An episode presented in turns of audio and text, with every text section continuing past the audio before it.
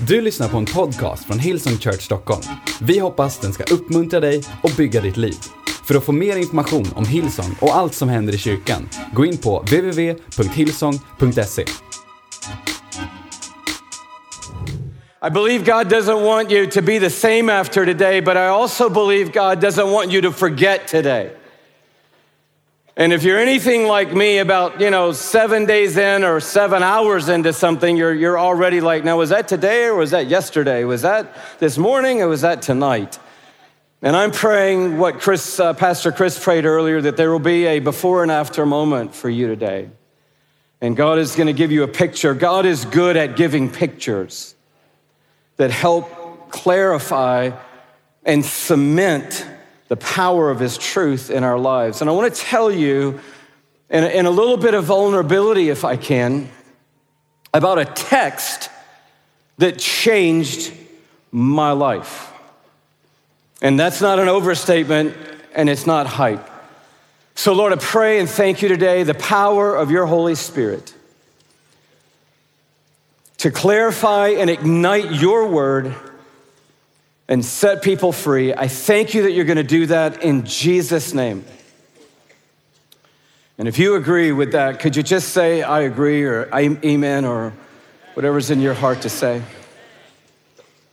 So the text was a text, a real text, like a text on my phone, but it led me to a text like a living text. And I want to take you to the living text today first, and then we'll talk about the real text on the phone. The living text, I believe, is maybe the most famous passage of scripture in the world. I like asking believers this because we always like a challenge. What would you say if someone said, What is the most famous passage of scripture in the entire Bible? See there, see, it's, no one knows. Um, so I feel like I'm on good ground in saying, I believe this is it. It's the most underappreciated text possibly that you know by heart. Because it gets categorized in our thinking in the needle point on grandma's dining room wall. And if it's on grandma's dining room wall in a needle point, A, that's a word from God for you, but not a real specific word, because I bet a lot of people are going to nod along and say, My grandma's got that either on a pillow or on the wall or on a bookmark by her bed. Somewhere, grandma's got this. And if we're not careful, as people who live around the living Word of God, we become numb to the power and the invitation that God is making to our lives. This text begins, and if you know it, I'd like you just to say it along with me to see if we're all on the same page. The Lord is my shepherd. I'm on good ground here and saying this might be the most famous passage in the world. Not in the church. Somebody dies in a movie, they're gonna probably quote this passage. Someone gets married in a movie, someone's sick in a movie and a chaplain shows up, you're probably going to hear, The Lord is my shepherd, I shall not want. You're going to fast forward to, and even though, and even though, can we say that together? And even though I walk through the valley of the shadow of death, I will fear no evil, for you are with me. Your rod, you see, you, this isn't like your rod and your staff, they, they comfort me. Right, Grandma? Did anybody grow up? I grew up in a Baptist church with a Sunday school class, which is the most inspiring space to put a middle schooler in. It had a linoleum floor, top or tan colored walls, cinder block two windows with vertical blinds, the little mini blind things, and some metal folding chairs in a circle. The maps of Paul's missionary journeys on one wall, and a photo of Jesus from Olan Mills' studio on the other wall. Did anybody go to that church besides me? No? No one did. And the picture of Jesus in that room may still be in there for all I know. It was oval shaped with a gold frame and Jesus was just the calmest, looking guy of all time. He had a spray tan. You know, I'm not saying that uh, sacrilegiously. His hair was perfect. I mean, perfect. His clothes were spotless. Maybe it was the risen Jesus and they didn't add that on. This is the risen Jesus, not the earth version. And he had that faraway look in his eye. Did anybody know that photo I'm talking about? Like he's looking off into the distance somewhere.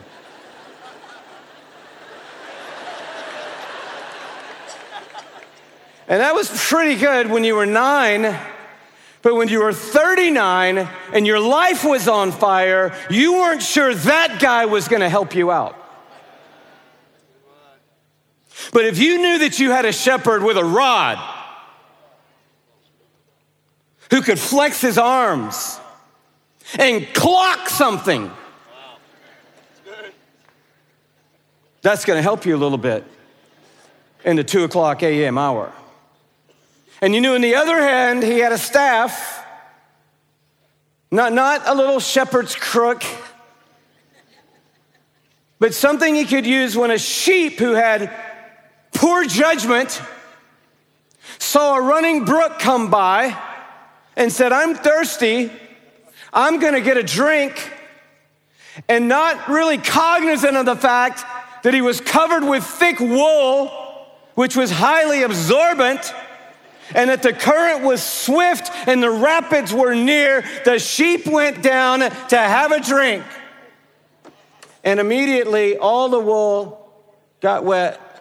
The sheep, which already couldn't see and has terrible balance, by the way, is now in the water and in the rapid, looking back at now, hopefully, a shepherd going, Bah!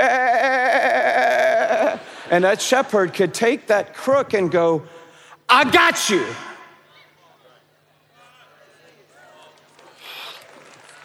Boom. Now, I'm just trying to get us in the mindset, have speed up. The Lord is my shepherd. That's why I'm not in need right now. He makes me lie down in green pastures. He leads me by still waters. He restores my soul. So far, we've hit the big three. He makes me lie down. That's because we're not smart enough to lie down in green pastures. And as somebody who has had the Lord make me lie down in a green pasture, I understand this. He leads me, another of the big three, we all want that. He restores me. You want another one? You want to go big four? He guides me in paths of righteousness. You know why he does all this? To make me great. No, for his namesake. That's why he makes me. That's why He leads me. That's why He restores me. And that's why He guides me. And even if I walk through the valley of the shadow of death, which I will in fact do, I won't fear evil because you are with me. And not just that guy in the portrait, but somebody with a rod who could crush a bear, and someone with a staff who can rescue me from danger. And then here comes verse five. Are you ready? This is the one that you have to read two or three times because you're not sure if you were writing the Bible, if you would have written it exactly like this. You prepare a table before me in the presence of my enemies. You anoint my head with oil, my cup runs over. Now, we've said this so many times, it's just rote, but if you think about it for a minute, if you or I had written verse five, we most likely would have written it this way and you prepare a table before me in your presence.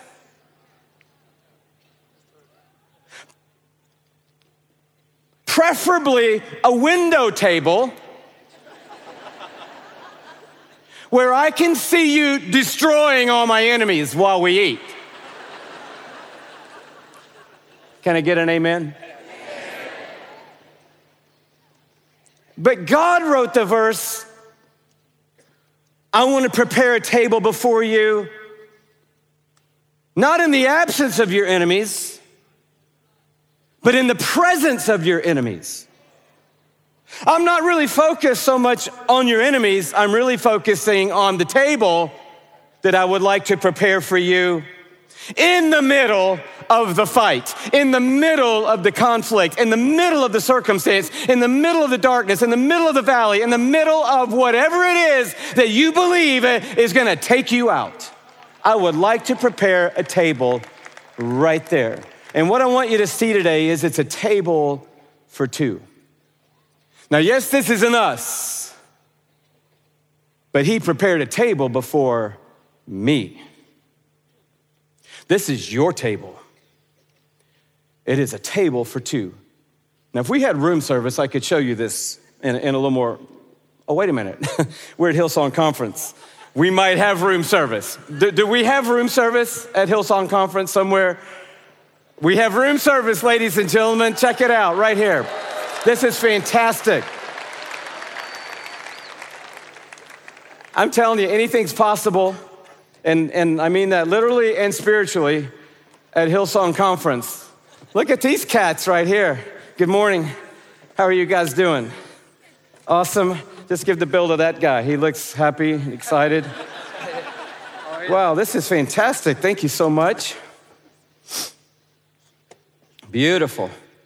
Thank you so much. That's fantastic. Can we just, uh, whoa, voila. Oh my, wow. Yeah, you got the right seat. this guy just said, This is gonna work out. If you go back up there for a minute, that's gone.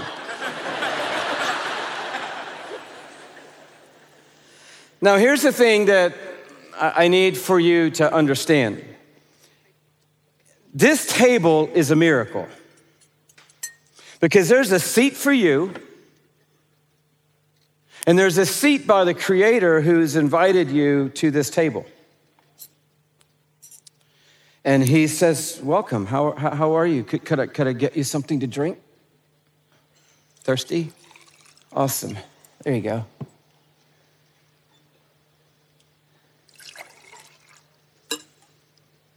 How you doing? And you all of a sudden no matter what's happening around you, anybody got anything happening around you? Either around you physically on the outside or around you on the inside? Anybody got anything happening around you? He says, I got a, a table here. And all of a sudden you're like, wow, man, I don't even know what that is, but it's the morning session and I'm gonna take a bite. Thank you. That's awesome. Excuse me. I'm talking with my mouth full, but it's really good. Now, before we get too far into this,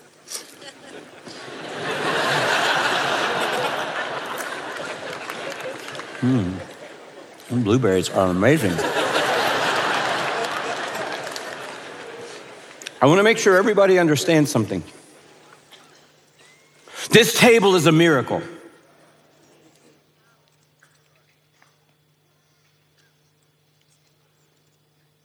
The reader of the Psalms most likely would have thought, table, table, table. What do I know? Table, table. My, my, my grandfather's father talked about a table. In the tabernacle, there was a table. There was an offering there. Exodus 25. And put the bread of the presence on the table that it will be always before me. So, table means something. And in the culture of the day, it would mean peace between a neighbor or a friend.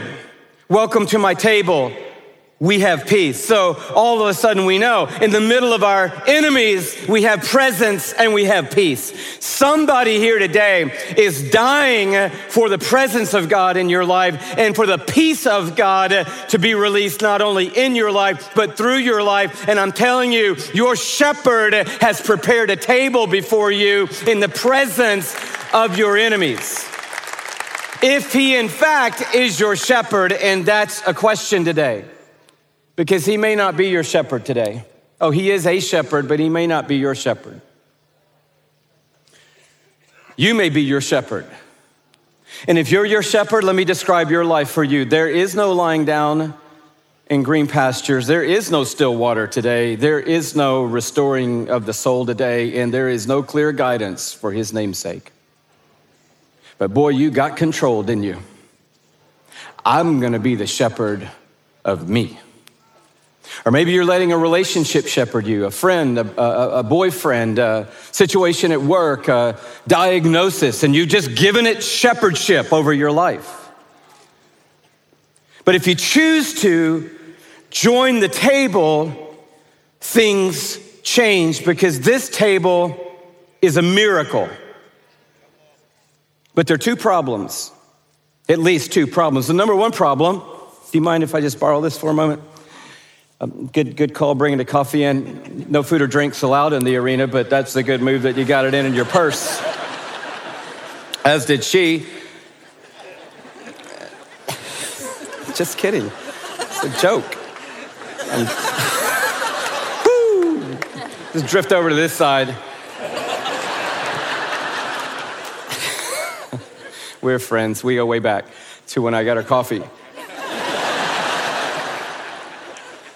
The two problems are number one, I think we would be inclined to say this is brilliant. My shepherd prepares a table for me. If I had time, look what I could enjoy. But you know what? Today I'm running just a little bit late, so thanks so much. And by the way, the 9:30 thing, if you could get on that early, it's going to help a lot. Hey, love you. That's problem number 1. And that's, that's pretty much normal Christianity. Amen. Great table. Hey, do you mind if I just take a breadstick for later? Do you mind if I take these grapes? Thank you so much. Awesome. Hey, I love you. I know you love me. Thank you. That's beautiful. I'm gonna check back in with you sometime tomorrow. This is life. And it's a problem. And maybe at the bottom of whatever your problem is, which you think is the problem, is not the problem. At the bottom of the problem is the table has an empty chair. Because this was all needle pointed at grandma's house. The second problem is there's an enemy. 1 Peter 5 says, Your enemy First, it says there is an enemy, and you got to be aware. You got to be self-controlled. First Peter 5, 8. You got to be self-controlled. In other words, you got to like get control of your mind and of your thoughts and of your view. Why? Because the enemy prowls around like a roaring lion seeking someone to devour. Now, I don't have time to tell this whole story, and it makes me nervous telling it anyway but, but I'll tell it. Shelley and I were having a birthday dinner in another country, not this country, not our country. So neither of the two best countries in the world. We're in the third or fourth or fifth best country in the world. and it was her birthday, and we had triangulated all of life to have this dinner. Anybody been there? Any guys been there? You were happy, you were proud, you thought you did good? Any guys? Hello? Uh, group of people get up from their table and they walk out. Guy kind of lingers, does a U turn, comes back and says, Hey, are you Louie Giglio? And I say, Yes, I am.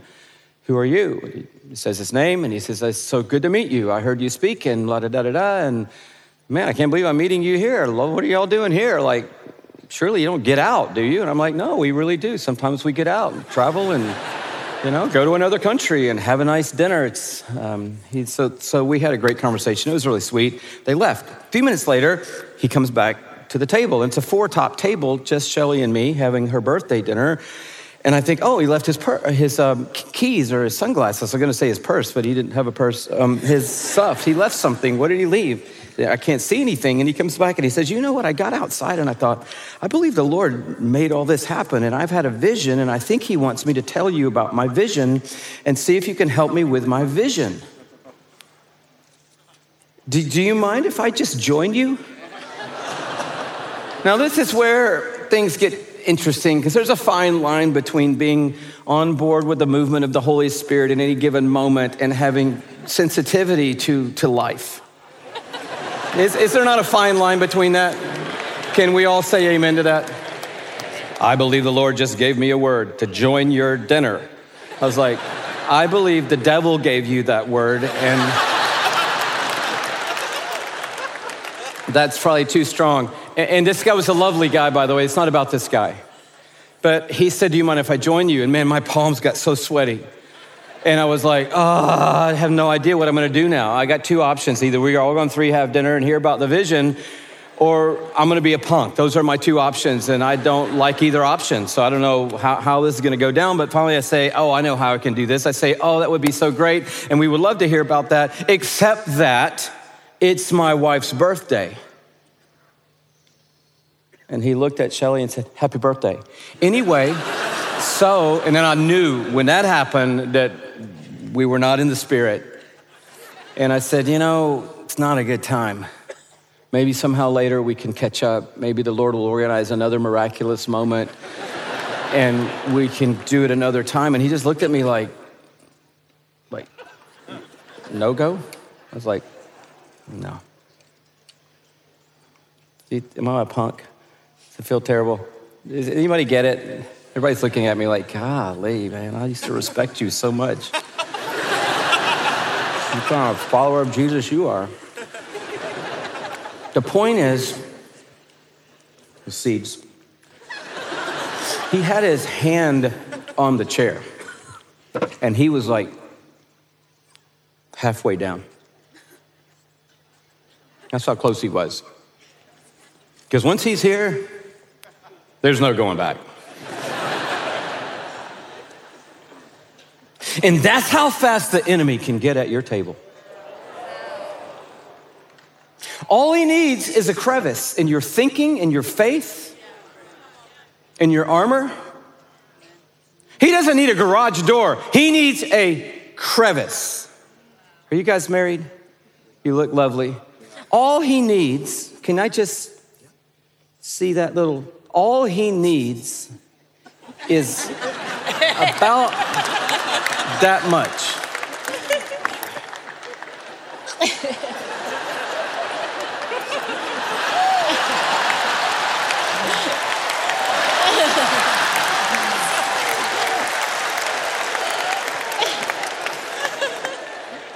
How's it going? Pretty good so far. Yeah? Yeah. It's been a tough six months, bro. I'm surprised you made it. Yeah, we're here. Let's celebrate that. We're here. All he needs is just a tiny sliver. And he is at your table eating your food. How's work? They still hate you? Janice? Yeah, I know. I couldn't work for her. I don't know how you do it. She was miserable, ungrateful, self focused. I don't think they're home. Yeah? Look, I'm just gonna tell you right now you should get a medal, bro. Sticking it out. What's it been now? Two years?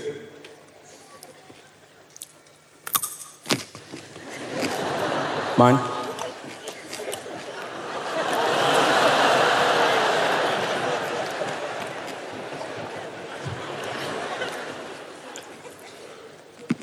Anyway, you're like,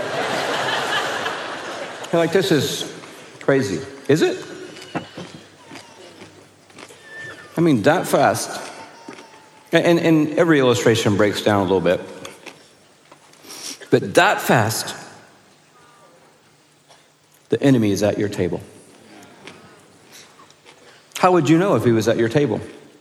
I'll tell you a couple of ways. Number one, you've heard something in your mind, in your head, in your heart, and maybe you've repeated it out loud recently that sounds like this There's something better at another table. The enemy is at your table. And this is a word for you today, specifically, lovingly crafted for you today. The other lady, that is not God's plan, and that is not your shepherd. That is the enemy who has pulled up a seat at your table and convinced you there's something better at another table.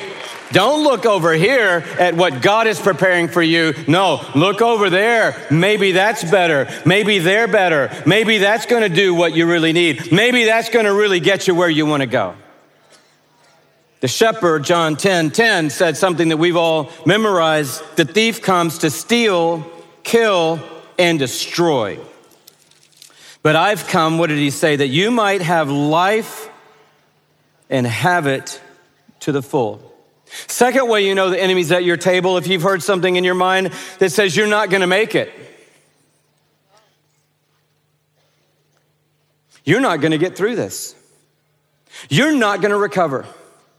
You're never gonna be the same. You will never get back in the black. You are never gonna be where you were before. You are never gonna have what you had with God. You are not going to be able to survive. It is a miracle that you are even here. And do you know how you know the enemy is at your table telling you these things? Because now you're telling your friends these things. How are you? I don't know. I don't know if I'm gonna make it. I don't know if I'm gonna get through this. I don't know if I'm gonna make it to, to, to, to, to Christmas. I don't know if I'm gonna be able to make it to the end of the term. I, I, I don't know if we're going to be able to survive this journey we're in. Where did you get that language? From a, from a God and a shepherd who prepared a table before you in the presence of your enemies? No, because he had just told you in the verse before, we're going through the valley of the shadow of death. We're not going to any valleys, we are going through the valleys. Man doesn't live by bread alone. Man lives by every word that proceeds from the mouth of the Lord. And you and I have got to somehow lock onto the shepherd and say, What do you think? What do you have to say? Well, I have to say, we're in a valley right now, but we're going to go through it. And then people say, How are you doing? And you say, I'm going through a valley right now, but we're going to get through it.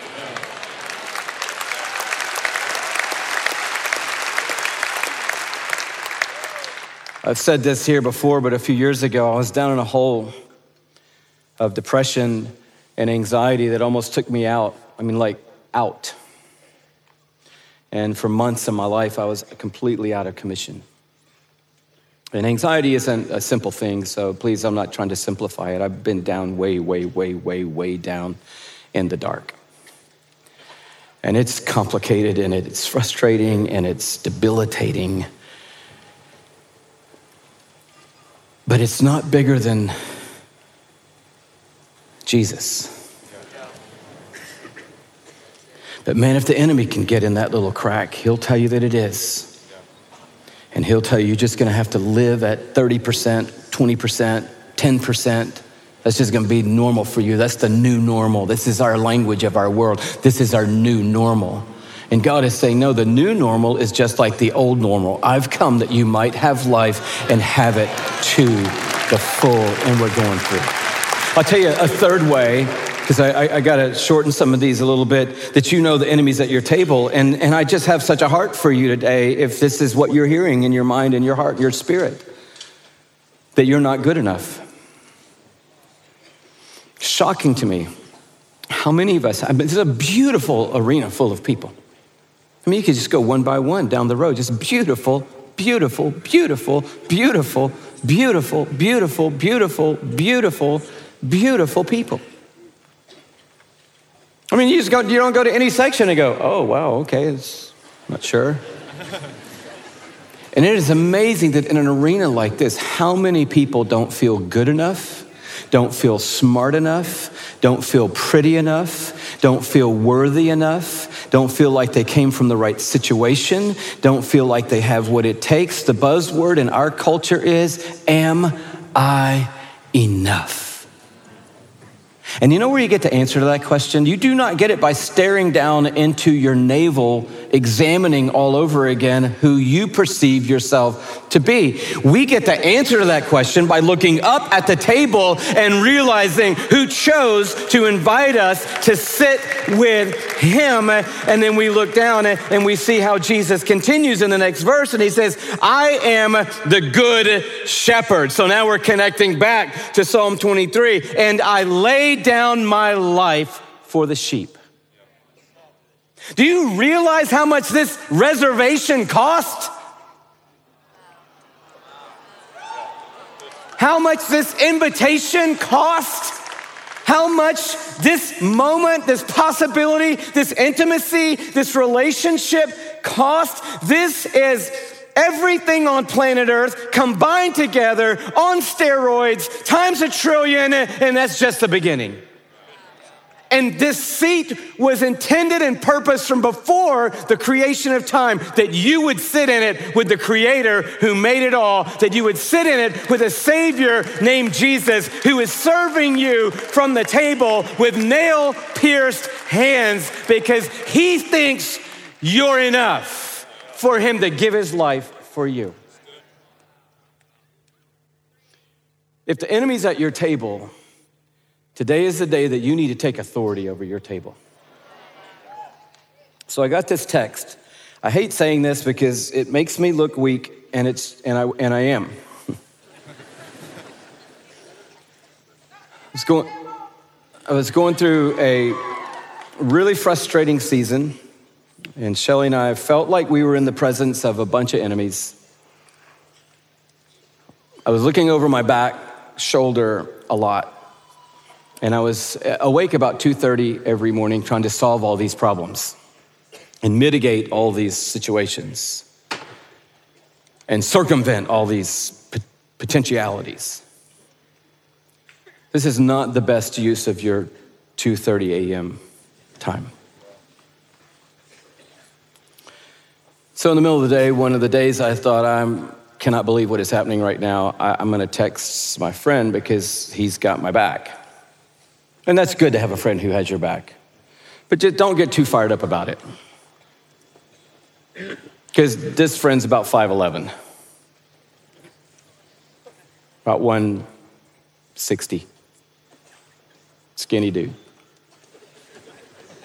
So I texted him, You're not gonna believe what just happened. Anybody started that text before?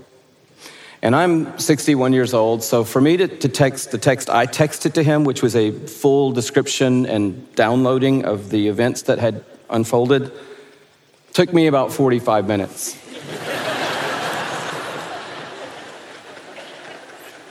and I finally hit send. Have you ever sent that text where you just stare at the phone like, Don't, I'm not going to go do something else. I'm going to sit right here until you respond. And I swear, if it's an emoji coming back,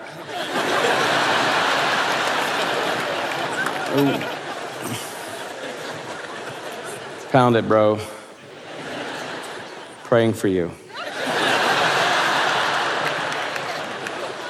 So finally, the text comes back, and it's just, just like a little blip. And I'm like, surely that's not the response. He did what I do a lot. He started, and then he hit send too soon accidentally, and now there's going to be the continuation of this. So I keep waiting because I want to read it all at one time. There is no more continuation. That's it. It's nine words. Nine words. This is what is wrong with millennials and their cousins. Just kidding. And so I'm frustrated. I'm not even reading it. I'm looking at it like, really? Really? Seriously? Pouring my heart out, bro. And then finally I read. And the nine words changed my life. The text said simply this Don't give the enemy a seat at your table.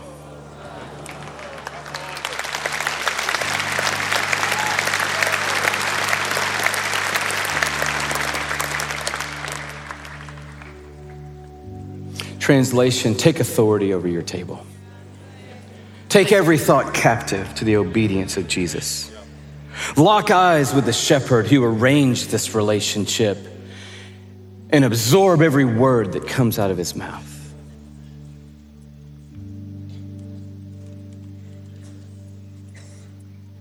Because you know the enemy is at your table when you've, you started hearing this phrase everybody and everything's against you, man. And that's what I was feeling. And when you feel that way, you walk around with clenched fist because you want to pop them before they pop you. So you're looking, you walk in the office, you're looking at every cubicle. Oh, she didn't look up. Oh, she's one of them. You're walking down the hall. Oh, they didn't speak today. Oh, they hate me. They're, they're part of the crowd. Uh, you, you see some people talking and having a conversation, and you're convinced it's all about you, what they're talking about. You walk in a restaurant in town and you see the so and so's at the other table, and you're like, oh, they didn't even look up, babe. Oh my goodness, they are part of it. And parano- the spirit of paranoia does not come from our shepherd. The spirit of paranoia comes from the enemy who convinces us that everybody is against us. And when we feel that, we may keep talking all the Jesus talk, but we got our fists kind of flinched all the time because we want to make sure that we get them before they get us. And Jesus is saying, man, that's no way to live. A, everybody's not against you. Well, no, let's start with A, I'm at a table with you. B, everybody's not against you. And see, even if everybody was against you, that ain't gonna hurt you. No, listen. So Elisha said, Open his eyes and let him see. What did he see? He saw, Yep, we are in fact surrounded. They came in the night and surrounded us. But when his eyes opened, he saw the chariots and the horses, and he saw heaven. And he said, God's got everyone surrounded. Do you know what it allows you to do? You can just go, wow. Not that you're my enemies, but just pretend for a minute. These, these people are trouble. But you know what? I've got a table. so I, I'm not really focused on fighting people, I'm focused on fulfilling the calling God has on my life. Now, don't clap anymore, please, because I'm out of time. I'm just, think about it. Just, think, just thinking about one more table. Think about this. Yes, the table of presence. Table means a lot in Scripture. Fast forward a little bit to this other table where Jesus is about to lift up the bread. I was going to, he's to lift up the bread and break it and lift up the cup and proclaim salvation. He's at a table. And at the table is an enemy. And he says, Whoever puts bread in with me, that's how we're gonna know. And there he was, right at the table. And you know what Jesus did not do? He did not get up and say, And that's why I didn't wash your feet earlier. He did not get up and say, Thank you for putting your head in because I'm going to take you out before you can get paid off. No, Jesus looked right at him and said, This is bread and this is a cup, and I have a mission and I have a destiny and I have a calling, and the enemy sitting at this circle right now, who is in fact against me, he is surrounded by a God who, in fact, is for me and whose purposes will prevail in the midst of it all. And so Jesus understood what the psalmist was saying long ago. He prepares a table before me in the presence of my enemies. He anoints my head with oil. And you know what's happening? While I'm surrounded, my cup is overflowing. So I'm going to walk in the office and I'm not going to walk around like, man, I got to hold on to everything. I'm going to be, hey, how you guys doing today? Good morning. So good to see you. Yeah, great. How are you guys? Everybody doing good today? Well, I just brought a little breakfast for everybody. Please Take something. In fact, take the whole tray if you don't mind. Just pass it down. Don't stop with a cherry. I like that guy's like, I'm grabbing that croissant. If that thing gets any closer, I'm getting a hold of that. You can walk into life and say, Look, I've got a table. You guys look like you're hungry. So could I just invite you to just take some and pass it on? Take the tray and pass it on. Just pass it down and have what you want. Why? Because I've got a table. You're like, yeah, but you just lost two things. The promise isn't what's on the table, the promise is who is at the table. He is a miracle, He is a provider, He's everything I need. And so let me just close really fast because I have to close. But last thing, really quick. Why did he put the table in the presence of the enemies? Why did he do that?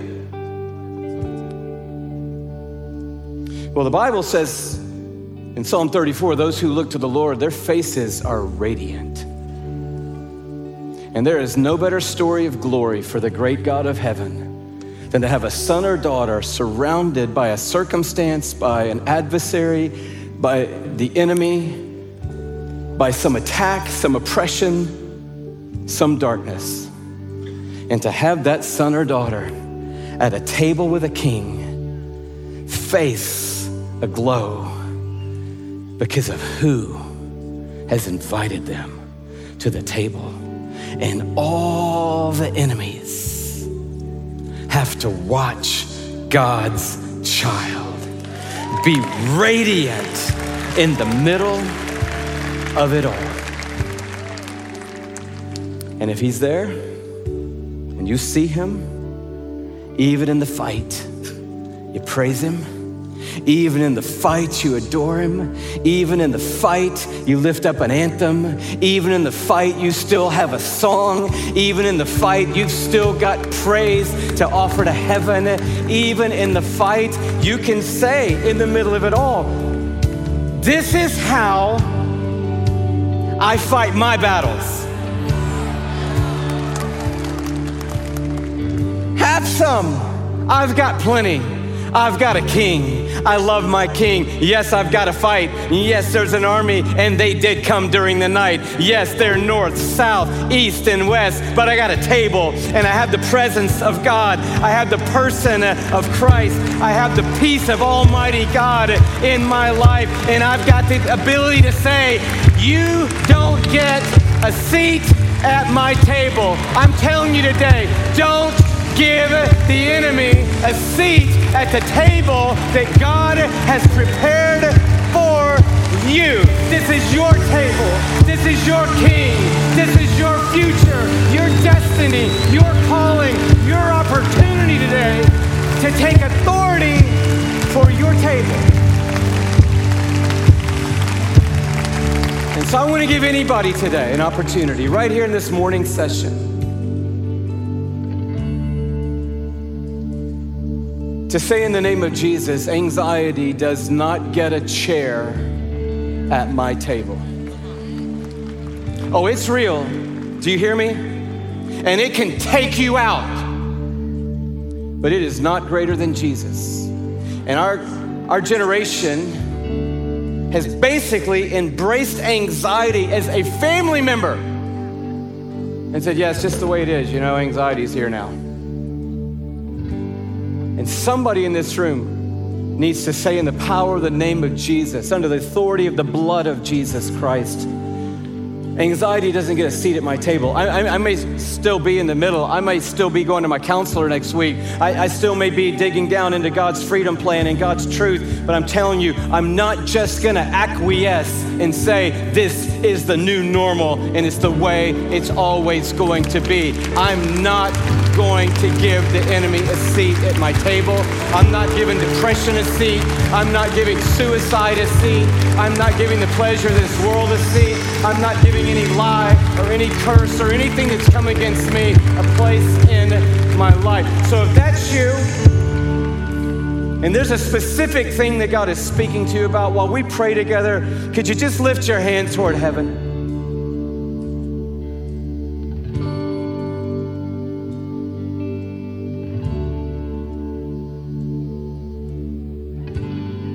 And just breathe in this before and after moment. And it may seem foolish to the world. But could you lock eyes with your king at your table today?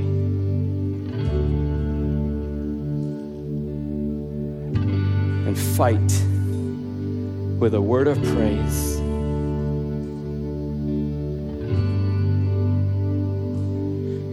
Is how I fight my battles. Come on, can you lift your song? And this is how I fight my battles. I'm sitting with a king, that's how. And this is how I fight my battles. I've been given authority in the name of Jesus. I take every thought captive. fight my battles. I join the table. I accept the seat. I receive the offering of God. And this is how I fight my battles. And even though there's an enemy around every corner, I fight with This is how I praise. fight my battles. And I lift up my shout today, believing I've got a shepherd. This is how I fight my battles. He's got a rod in one hand and a staff in the other. So I is fighting fight people praising God. I cease focusing on the enemies and I will pursue the calling of. God on my life. Come on, church, let's lift this up today in This is how I faith and my believe and power in the name of Jesus. This is how I fight